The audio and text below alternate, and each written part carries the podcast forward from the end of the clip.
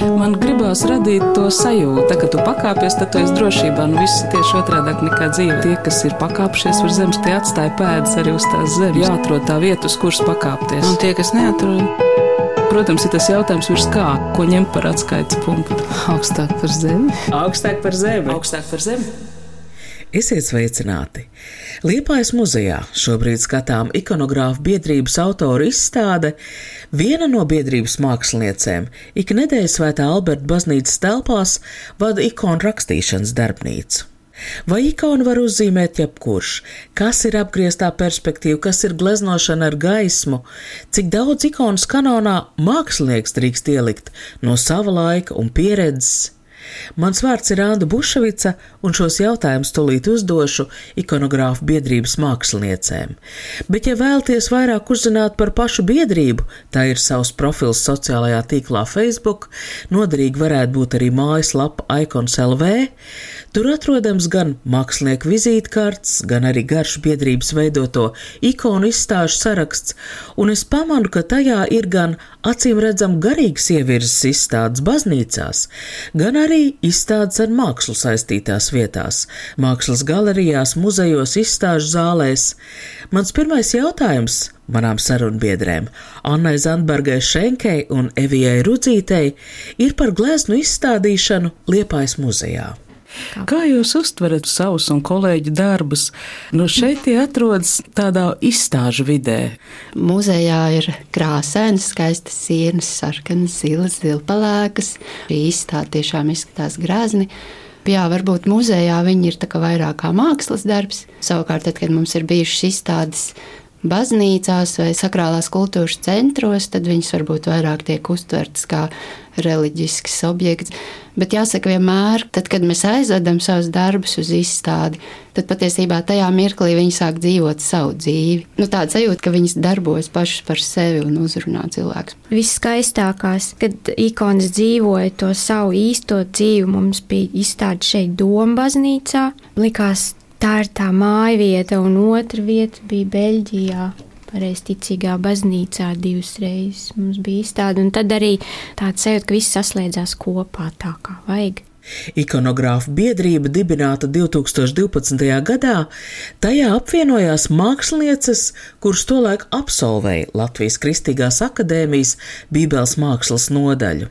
Ja es pareizi saskaitīju, šī mums biedrībā ir jau 20. izstāde. Jā. Bija izstādes Sardīnijā, Pat Beļģijā, pirmā, Zviedrijā un Latvijā dažādās pilsētās sākot šobrīd pāri visai Latvijai, Liepājā, Balvos, Bauskā, jo mums patīk rādīt cilvēkiem to, ko mēs darām, un patīk arī stāstīt. Mēs vienmēr labprāt arī izstādēs tiekamies ar cilvēkiem un viņiem stāstam, jo tā ikona pasaule ir tik bagāta un ir tomēr arī kaut kādā mērā jāprot lasīt to ikonu, un tad mēs arī labprāt stāstam to visu cilvēkiem. Tāda tikšanās būs arī Liepājas muzejā 17. Jā. februārī.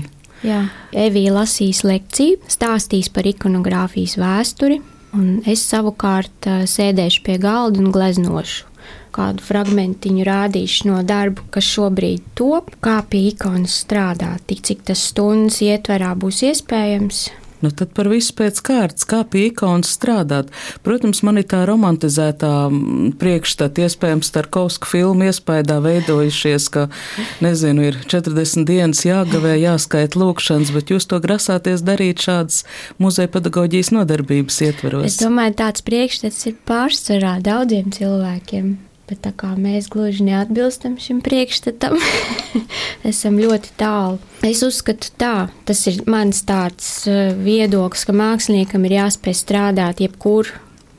Jebkurā brīdī, jebkuros apstākļos ir jābūt gatavam, ir jāuzbūvē tas apkārt tā sava telpa, kurā es atrodos, bet vienlaicīgi arī nesot uh, prom no cilvēkiem. Ko jūs zīmēsiet? Viena būs konkrēts pasūtījums. Cilvēks pasūtīja, lai dāvinātu baznīcai. Man ir paraugs, kādu ikoniņu viņš vēlās, un tādu es arī zīmēju. Un otra būs ļoti interesants pasūtījums, ko es saņēmu svētdien. Es iesāku uz īstiem lazurīta akmeņiem, lapis lazuri. Tieši uz nopulēto virsmu būs divi eņģeļi, tādi, kas ir izstādē lieli, ko es uzgleznoju uz veciem diviem galdiem. Un tie būs maziņi, tādi paši, līdzīgi. Nu, tādi paši droši vien nesenāks, jo otrais nevar uzgleznot to pašu bet būs līdzīgi. Es arī gribētu vēl papildināt, Anna teica, ka mēs tā kā gluži neatbilstam tam priekšstatam un esam ļoti tālas. Nu, patiesībā jau mēs neesam tālas, tāpēc, kad eh, ņemot vērā, ka mēs jau tik daudz gadus nodarbojamies ar ikonu un ikonu glaznošanu, tad tu nevari būt tāls no tā. Un, un patiesībā man liekas, ka eh, arī ja tu neesi ticīgs un baznīcas cilvēks, tad arī ir grūti glaznot ikonu. Tas ir sasaistīts gan glaznošana, tīri tehniski, gan arī tā garīgā puse. Bez tās nevar. Tas varbūt nav tik romantizēti, kā, ja, kā jūs teicāt, kā Tarkovska filmā, bet patiesībā ikonu glaznotājs ir ticīgs cilvēks. Varbūt izstāstiet to savu stāstu.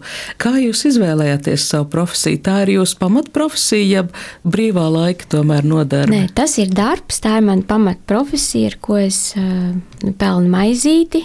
Tas noticis ļoti negaidīti, un pie ikonogrāfijas es nonācu personīgi. Es nonācu nejauši, gāju uz grafiku, mācīties grafiku. Bet, nu, Mākslas akadēmijā. Jā, bet bija ģimenes apstākļi, kas man neļauj dienas eh, grupā studēt. Un tad es druģēju, tiešām druģēju meklēju tajā laikā, kur Rīgā vēl var mācīties grafiku. Un nejauši internetā man uzkrita Kristīga akadēmija, un tur pasniedz Nēla Zirnīta grafiku. Un tas bija vienīgais iemesls, kādēļ es nākošā dienā ar visām mapēm biju tur. Kristīgā māksla, tas bija, laikam, jūs tiek lietots vārds bībeles māksla, jā? jā? Bībeles māksla. Vai tas bija, nu, kā plus, vai tas jūs? Viennozīmīgi kā milzīgs plus, ko es atklāju tikai otrajā kursā. Pirmā kursā es bastoju ikonogrāfiju, jo es nesapratu apgriezto perspektīvu, es nesapratu tos principus, man nelikās saprotam. Bet uh, Otrā kursā mums atnāca fantastiska pasniedzēja Aleftīna Mošenkova, kura man atvēra acis burtiskā nozīmē ieraudzīt šo skaistumu. Es biju pārsteigts, kā es to neredzēju. jo tas ne, nav gluži nu, teiksim, atspoguļot dabu. Tur ir nu, kaut jā. kāda pavisam citas likumības. Nu, tur, teiksim, jā, jā, es gleznoju koku, ikonogrāfijā ir koku gleznošanas arī principi. Tad tas koks simbolizē visus kokus. Cilvēkiem, kas kā, varbūt eh, saskarās ar ikonu, uzreiz arī ir tas, nu, ka ikonogrāfija tā ir kanoniska māksla, un ka droši vien tur ir šis stingrais kanons, ko nedrīkst pārkāpt. Jā, ikonogrāfija ir kanoniska māksla, un mēs arī ievērojam kanonu, bet patiesībā ir sajūta, ka tas kanons tevi nevis tā kā ierobežo, bet viņš tieši tev dod brīvību. Tā ir ļoti skaista lieta, kad patiesībā visi šie ikonu glaznotāji jau no pirmajiem gadsimtiem Viņi ir kopuši šo tradīciju, un viņi ir izkopuši līdz niansēm, kā parādīt šīs lietas ikonogrāfijā. Mums atliek tikai no tā visa smelties un viņiem pievienoties, un, un varbūt pielikt arī kaut kādu savu ārtavu tajā visā, jo tā viss ir dzīva tradīcija jau sākot no pirmajiem gadsimtiem līdz mūsdienām, un mēs esam tādi kā šīs tradīcijas dalībnieki, tā varētu teikt. Un es ceru arī tālāk nesēji un kopēji. Tā ir ļoti, ļoti skaista māksla. Tāda un dziļa. Arī, jā, ārkārtīgi skaista. Nevar, nav salīdzinājums. Nu, varbūt es nezinu, es varētu salīdzināt ar Beethovenu, Mocerta mūziku, kaut kas tāds, nu, kaut kas tāds pārpasaulīgs, mūžīgs.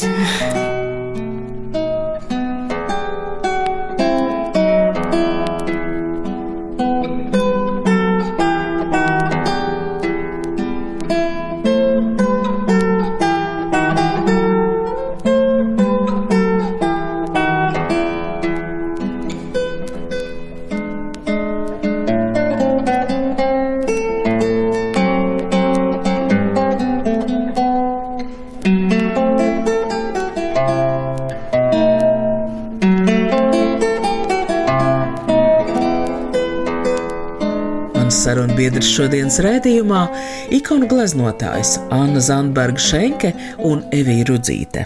Mums ir nākuši arī mākslinieki, kas ir profesionāli mākslinieki. Un tas secinājums, kas arī man bija, kā atnākot kā grafikas tādam, es tiešām es mīlu grafiku, tā ir mana pirmā mīlestība, un es strādāju joprojām grafikā.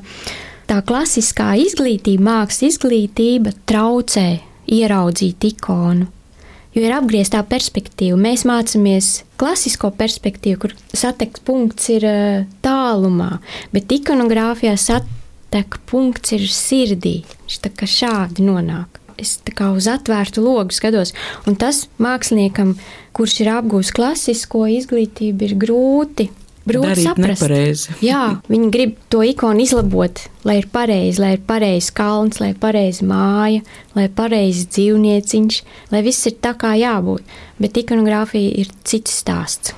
Vēl arī tā lieta, ko viņiem arī grūti saprast, ir, parasti saka, ka ikonas glazno ar gaismu, ka patiesībā ikonā mēs Jā. glaznojam nevis tā kā gaismēnu, Es esmu dzirdējis arī no māksliniekiem, jā, ka viņi nesaprot, kāds ir. Ka nevis mēs tā kā ieliekam ēnas, bet mums ir jāglazno gaisma. Jo, piemēram, glaznojot ar eļļu, Viņi glazno ar triepieniem, tad šeit mēs tā kā glaznojam tā pludinot, un tad arī viņiem, kamēr viņi no tā striha un triepiena tiek vaļā līdz tam mierīgajam otras plūdumam, un kā līniju mēs velkam lēnām un garu. Jūs stāstījāt par to, ka šis viens pasūtījums ir domāts dāvināšanai Jā. baznīcai. Kurai baznīcai, kurai konfesijai? Pareizticīgai baznīcai. Jo te uzreiz ir tie konfesija ierobežojumi. Es saprotu, ka ar ikonogrāfiju katoļiem un pareizticīgajiem at nu, atšķirās. Es teiktu tā, ka šobrīd jau arī katoļi, vai nevar teikt, vai jau arī, bet nu, atgriežas Bet eh, Kas šie tieši? svēto tēli, vai tie neatšķirās dažādās konfesijās? Katoļu baznīcā vairāk ir eh, svētgleznas, kā gleznas, jo ikonogrāfijā svētie tēli tiek um, rādīti vairāk kā tādas pārpasaulīgas būtnes, kā dzīvē cilvēks tā gluži neizskatās. Mēs gleznojam tēlus, kuri jau ir pie Dieva. Ir pat tādi svētie kuri liekas nedabiski izstiepti garumā, jā, bet tā doma ir, ka viņi stabili stāv uz zemes un viss tā viņa tiecība ir uz augšu, pie debesīm, pie dieva. Un tad tas arī tiek vizuāli parādīts, tad vizuālā valodā, simbolu valodā tiek vēstījums nodots. Romas katoļu baznīcas Rīgas svētā Alberta draudzes mājaslapā atrod šādu sludinājumu. Nu jau vairākus gadus notiek ikonu rakstīšanas nodarbības, ko vada Latvijas Kristīgās akadēmijas absolvente, māsa māsa palīdzētāja dvēselēm šķīstītavā Ņina Skangala Začeste.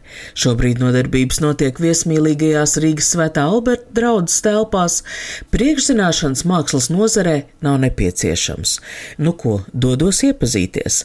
Svētā Alberta baznīca atrodas Rīgā Liepājas ielā. Otrpus ielā ir Paula Stradiņa Kliniskās universitātes slimnīcas sēta. Nodarbības gan notiek negluži baznīcā, bet ēkā blakus baznīcai - gaiša, plaša telpa, pie sienām ikonas. Tas lielāks, tas ir jau priekš baznīcas, jā. Tās ir jūsu zīmētas, vai? Jā, jā, tās ir aglones diamāta un tur Jēzus sirds-ikona, jā. Nodarbības notiek divas reizes nedēļā. Šodien tā tikko ir beigusies, un ar Dinu, kura pirms došanās uz darbu vēl steidzas pabeigt zīmējumu, iepazīsimies pēc brīža. Skolnieka darbi šeit varam skatīties. Mēs parasti mācījāmies, jā, ne uzreiz tā ikonas tā, bet tā kapeniskie nosākuma ornamenti. Tās ir tādas tā kā rotājuma joslas. Tas ir simboliskie, attēlota dabas elementi. Ziedi, vat līnijas, piemēram, elements. Jā. Šeit ir daudz krāsaini arī ornamenti. Nu, viņi ļoti daudzveidīgi. Šeit mēs mācāmies gan līnijai, gan izgaismošanai, ritmam, jā. šeit jau kaligrāfijā. Un daudz jums to nācēja? Ir? Tagad, kā ar pandēmiju, pandēmiju, jā, tur varbūt mazāk, bet tā aptuveni tā astoņi cilvēki nāk. Tā. Ņina Skangala Začesta ir pievedusi man pie skapīša, kuram ir četras atvilknes. Sākās no, es teicu, ar ornamentiem, pēc tam dabā kalniņa, kociņa, arhitektūra, ūdens. Un pēc tam vesela kompozīcija no tām elementiem. Jā. Mhm. Pēc tam pakāpeniski jau iet drēbes. Un spārnie. Ar zelta izgaismu. Šeit ir, šeit ir ceturtais kurs, jā. -hmm. Mēs tad sākam ar bārdu un mātiem, pēc tam jau rokas, kājas un pēc tam tikai sēja. Tāpat arī ikonas top. No sākuma pirms personas elementi, dabas elementi, drēbes, spārni, ja ir spārni, protams, engeļiem, piemēram, jā. Un pēc tam tikai cilvēks, persona. Četri kursi. Jā, nu četri kursi, jā, tas ir minimums. Minimums. jā, pēc tam jau var rakstīt, piemēram, pirmās ikonas, no nu, tās augtas ikonas. Mm -hmm. jā, tādas. Es esmu Dina. Es pēc profesijas esmu ārsts, ģimenes ārsts. Brīvajā laikā realizēju nu, man tā iekšējā vēlme radoši izpausties. Man kaut kā iekšā es jūtu, ka ir tā, nu, nu, tāds radošums, ka man gribās gleznot. Sakiet, kā jūs ceļu atradāt? Tas bija saistīts ar ticību kaut kādā veidā? Jā, tas bija saistīts ar ticību. Es arī no šīs draudzes, es māsu viņu zinu, redzēju viņu, jā, pazinu.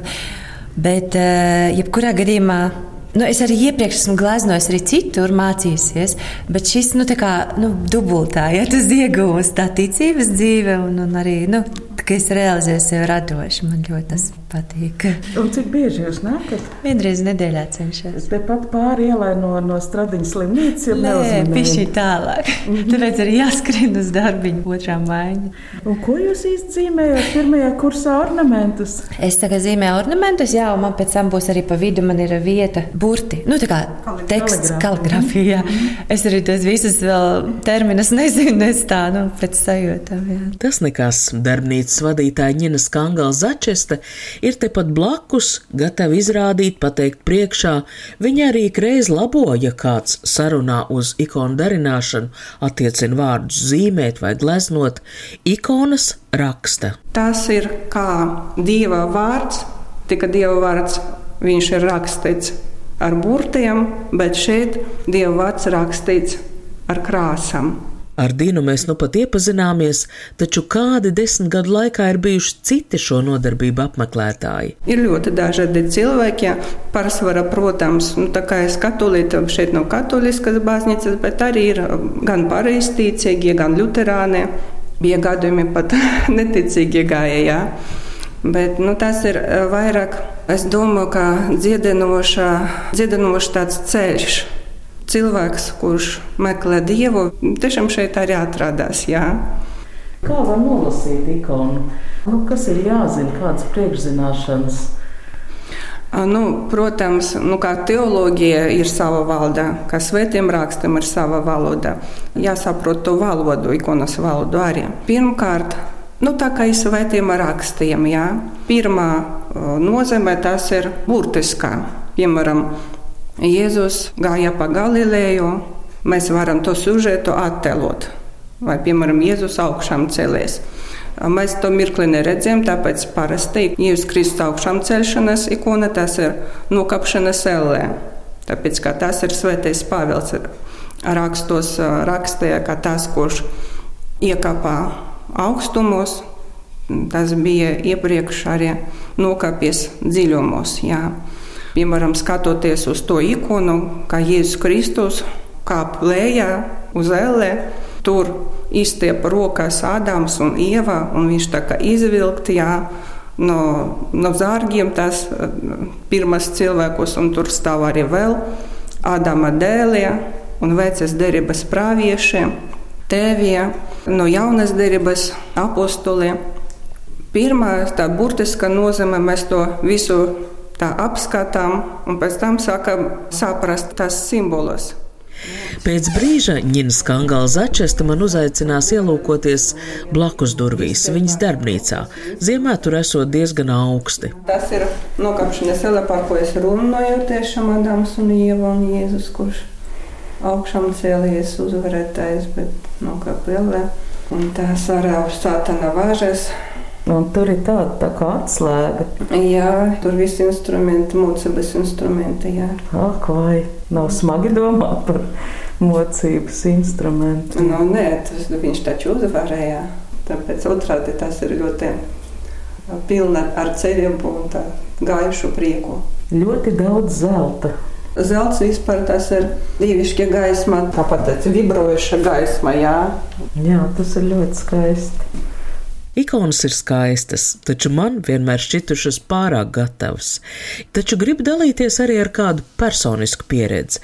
Brīdi, kad man atklājās ikonas mūžīgais skaistums, un lielākoties tas ir noticis brīžos, kad es savā dzīvē ieraugu kaut ko, ko atpazīstu no ikonām. Jeruzalemes mūrs no Eļas kalna puses mēnesi gaismā. Tā ir tā zelta pilsēta, kas atainot ikonās, bet priekš manis pārsteidzošākais ir tas, ka tā pastāv arī uz zemes, vai atkal saskatot ko pārlaicīgi galvas pagriezienā un skatienā, kā māte priecājas par savu bērnu. Un kaut kas līdzīgs notiek arī uzturoties ikonu mākslinieces Ņenas Skangals Začestas darbnīcā. Man savukārt ļoti uzrunā tās skices Tad, kad tu eh, nevis tādu gatavu vērtību, nu, bet kad tu ieraugi to cilvēku roku, to pieskārienu. Nu, jā, es sāku tur eh, veidot svētu ģimeni, jā, meklēju to kompozīciju. Tā kā es esmu arhitekts un, un mākslinieks, pabeigta gan bija mākslas skola, gan arhitektūra. Un tad es varu ar brīvu roku kaut ko, vai, vai jaunu, piemēram, ikonu veidot, sveta pīva ikonu, piemēram, nav, jā, un veidot kaut ko jaunu. Bet nu, jābūt diezgan tā pamatam lielam, gan teoloģiskam, mm gan arī saprast, kā kanoniski pareizi izveidot. Virs darba galda pie sienas piekārta pavisam necila bildīte. Tāds kā tapešu raksts, ģeometriski atkārtojas liepas, lapas, motīvs. Skatām atklāt arī darbnīcas siena, kurā kāda aila aizmūrēta ar nevienādi sarkaniem, acīm redzam no izjauktas krāsnes, ņemtiem akmeņiem. Un kāpēc tās lapas tur ir? Kaut kāda iedvesma jums tur ir? Nu, vienkārši mākslinieks visur redz, pat šis ķieģeļos, jā, kādas -hmm. tur krāsas. Viena krāsā, bet tik daudz viņi dažādas. Nu, kā kā cienkovs, nezinu, kā. Nokrāsas. Nokrāsas, jā. Mm -hmm. Tiešām ikonu var uzgleznot jebkurš, nu ne ikonu tādā izpratnē kā ikonu, jo ir jāmācās, ir ļoti daudz jāmācās. Bet tieši pieskarties šai mākslē, kaut vai rotas galiņu, caur krāsu, caur šo krāsu simboliku, caur līniju. Jo ikonogrāfijā viens tāds ļoti skaists termins, eh, krieviski tā ir duhovnē līnija, garīgā līnija. Man liekas, krieviski skan ļoti skaisti. Un tas arī raksturo tieši ikonogrāfiju, ka tur nav steigas, nav stresa, ir ļoti tāds apcerīgs pārdomu laiks, kad tur var diskutēt ar sevi, ar Dievu. Un tieši tā garīgā līnija, tas ir tāds konkrēts termins, tā ir darbs ar rotiņu, novilkt skaistu līniju. Un caur šo skaisto līniju var mazliet, kaut vai mazliet pietuvoties ikonogrāfijai cilvēkiem, kuri nekad to nav darījuši. Tā bija Anna Zandberga Šenke, otra mana sarunbiedra Evija Rudzīte, kā izrādās arī māca ikonu gleznošanu, un darījusi to ir arī Iļuciem sieviešu cietumā. Kopā ar savu kolēģi Mārtu Jūrijānu mākslinieci, kas patiesībā izveidoja arī šo mākslas studiju Iļuciem cietumā, mums tas bija tāds kalpošanas darbs Tur ir eh, Rudīta Losāna ir izveidojusi tādu eh, studiju, Mīrjama studiju Ilģiciem cietumā, kur meitenes eh, apgūst dažādas, dažādas mākslas un kultūras priekšmetus. Arī tā ideja viņai ir, ka caur šo mākslu un kultūru šīs meitenes, kas ir nostājušās uz noziedzības ceļa, viņas tā kā mainās iekšēji. Un tad mēs ar Mārtu bijām tās, kas viņām pasniedza glaznošanu. Un patiesībā tām meitenēm tā glaznošana bija ļoti, ļoti svarīga. Dažas bija tā, ka viņas visu nedēļu gaida to sestdienu, kad mēs ar Martu atbrauksim. Jo priekš viņām, kā viņas pašas teica, kad, ka viņām tā bija tādas eh, vieta, kurās viņi varēja sajusties brīvi. Tajā brīdī mēs vienkārši runājām par mākslu. Lūdzu, arī Evija Rudzīte izstāstīt savu stāstu, kas viņu pamudināja pievērsties ikonu gleznošanai. Nu, tas bija laiks, kad es vispār meklēju savu vietu un savu baznīcu. Un tad es arī dzirdēju ziņu par Kristīgo akadēmiju, bet es uz turieni gāju, jo tajā gadā izsludināju pirmkārt eh, mākslas terapijas kursus. Es biju pabeigusi psihologus, un man likās, ka tas varētu būt tāds skaists turpinājums. Un otrkārt, kad nebija iestāja eksāmena mākslas priekšmetos. Aizgājām, protams, kad mākslas terapijas mums nebija, bet es esmu ļoti, ļoti laimīga, ka mums bija ikonogrāfija un ka tas ir tas, ko es izvēlējos un ko es arī grasos darīt un turpina darīt joprojām. Jā. Kāpēc jūs esat ikonogrāfa biedrībā? Man rodas iespējas, ka jūs pilnīgi pašpietiekami varētu strādāt. Nu, kopā mēs veidojam arī daudz tādas izstādes, un uh, kopā arī vieglāk iedvesmoties satikties, parunāt. Mums kopīgas arī intereses, problēmas saistītas tiešām ar to lietu. Un es domāju, ka arī kā vienkārši mēs tā kā lieli draugi. mēs visi mācījāmies, tas kodols, mēs visi mācījāmies apmēram vienā laikā Kristīgajā akadēmijā.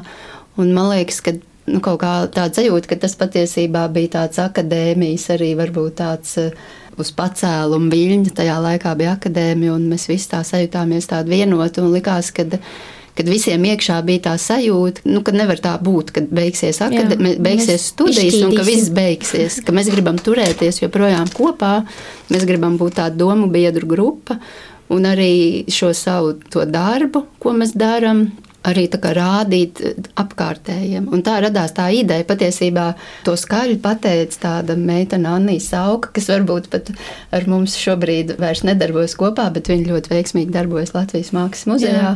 Un paldies viņai, ka viņa pateica šo ideju skaļi, kas patiesībā var būt visos arī piekšā. Un tā mēs ļoti ar tādu aizrautību, prieku un entuziasmu augam katrs atsevišķi un arī kā biedrība kopā caur visām šīm izstādēm. Jo patiesībā šīs izstādes arī kaut kādā mērā liek mums iet uz priekšu un turēties kopā. Jo uz katru izstādi ir jāuzglezno jauni darbi, par katru izstādi ir jāpadomā, jāpadiskutē. Kādi ir tie virzieni? Nu, es jau minu, Ņina Skangala Začeste šobrīd ir māsa Ņina. Es lasu, ka te ir arī mozaīka māksliniece Irina Krilo. Jā, no Zviedrijas. Viņa ir mākslas pasniedzēja mākslas skolā, bet arī strādā kā, kā mākslinieca, kā profesionāla mākslinieca. Viņa vēlējās mums pievienoties, un tad Ta, tas arī notika. Mājaslapā Icons LV atrodams ikonogrāfu biedrības mākslinieku vizītkartes. Ļoti dažāds ir biedru vecums, dažāda ir iepriekš gūtā izglītība, un starp citu kustība notiek abos virzienos. Ne tikai psihologu un arhitektu papildina zināšanas sakrālajā mākslā. Piemēram, Kristīgās akadēmijas Bībeles mākslas programmas absolvents Aleksis Koškins šobrīd turpina studijas Mākslas akadēmijā un mākslā sev piesaka ar kardināli atšķirīgiem darbiem. Ja runa ir par Aleksēju, tad šobrīd viņš ir tiešām aizgājis uh, laikmetīgās mākslas lauciņā, jo viņš arī organizēja laikmatīgās mākslas izstādes. Viņš uh, piedalījās uh, Bienālē, Rīgas Bienālē, Ribukā un arī Savvaļas projektā. Tā kā jā, viņš ir aizgājis uz šo lauciņu, bet ja mēs arī sasaistot ar iepriekšējo diskusiju, kad arī šobrīd ikonu glaznotāji, viņi meklē šīs jaunās pieejas un kā sevi izpaust, kaut kādas jaunas veidus, kā glaznot ikonas. Un jāsaka, ka brīžiem viņi pat ir interesanti, brīžiem man varbūt mazliet atgrūž.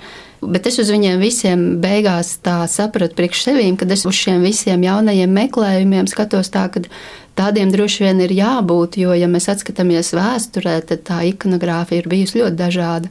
Un savukārt, kurš no šiem meklējumiem būs tas īstais un pareizais, to jau rādīs laiks, kurš no viņiem paliks un izdzīvos. Vēl tāds būtisks kritērijs vismaz priekš manīm ir, kad es skatos uz kaut kādiem šiem jaunajiem meklējumiem un jaunajām ikonogrāfijām, vai es pie šīs ikonas varētu lūgties. Un, ja es saprotu, ka nē, kad es pie šīs ikonas nevaru lūgties, kad es tajā redzu tikai mākslinieka meklējumus, viņa kaut kādas izpausmes, tad viņi droši vien priekš manī paliek tikai kā tāda reliģiska motīva, bilde, mākslas darbs, bet tas, vai tā būs ikona, to rādīs laiks.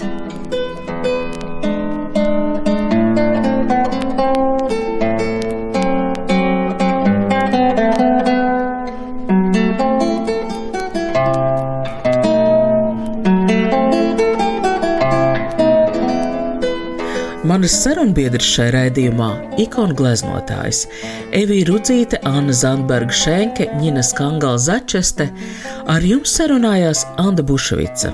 Šī raidījuma skaņoperators Valdes Raitums, ikonogrāfa biedrības autora izstāde Ikons Liepājas muzeja pirmā stāva Anfilādē būs skatāma vēl līdz 27. februārim. Tā, kad tu pakāpies, tad tu esi drošībā. Nu, viss ir tieši otrādi nekā dzīve. Tas ir tā spēle, jā? Tie, kas ir pakāpšies virs zemes, tie atstāja pēdas arī uz tās zemes. Protams, ir tas jautājums, ko ņemt par atskaites punktu. Nu, principā ir skaidrs, augstāk par zemi. Jāatrod tā vieta, uz kuras pakāpties. Augstāk par zemi. Augstāk par zemi. Augstāk par zemi.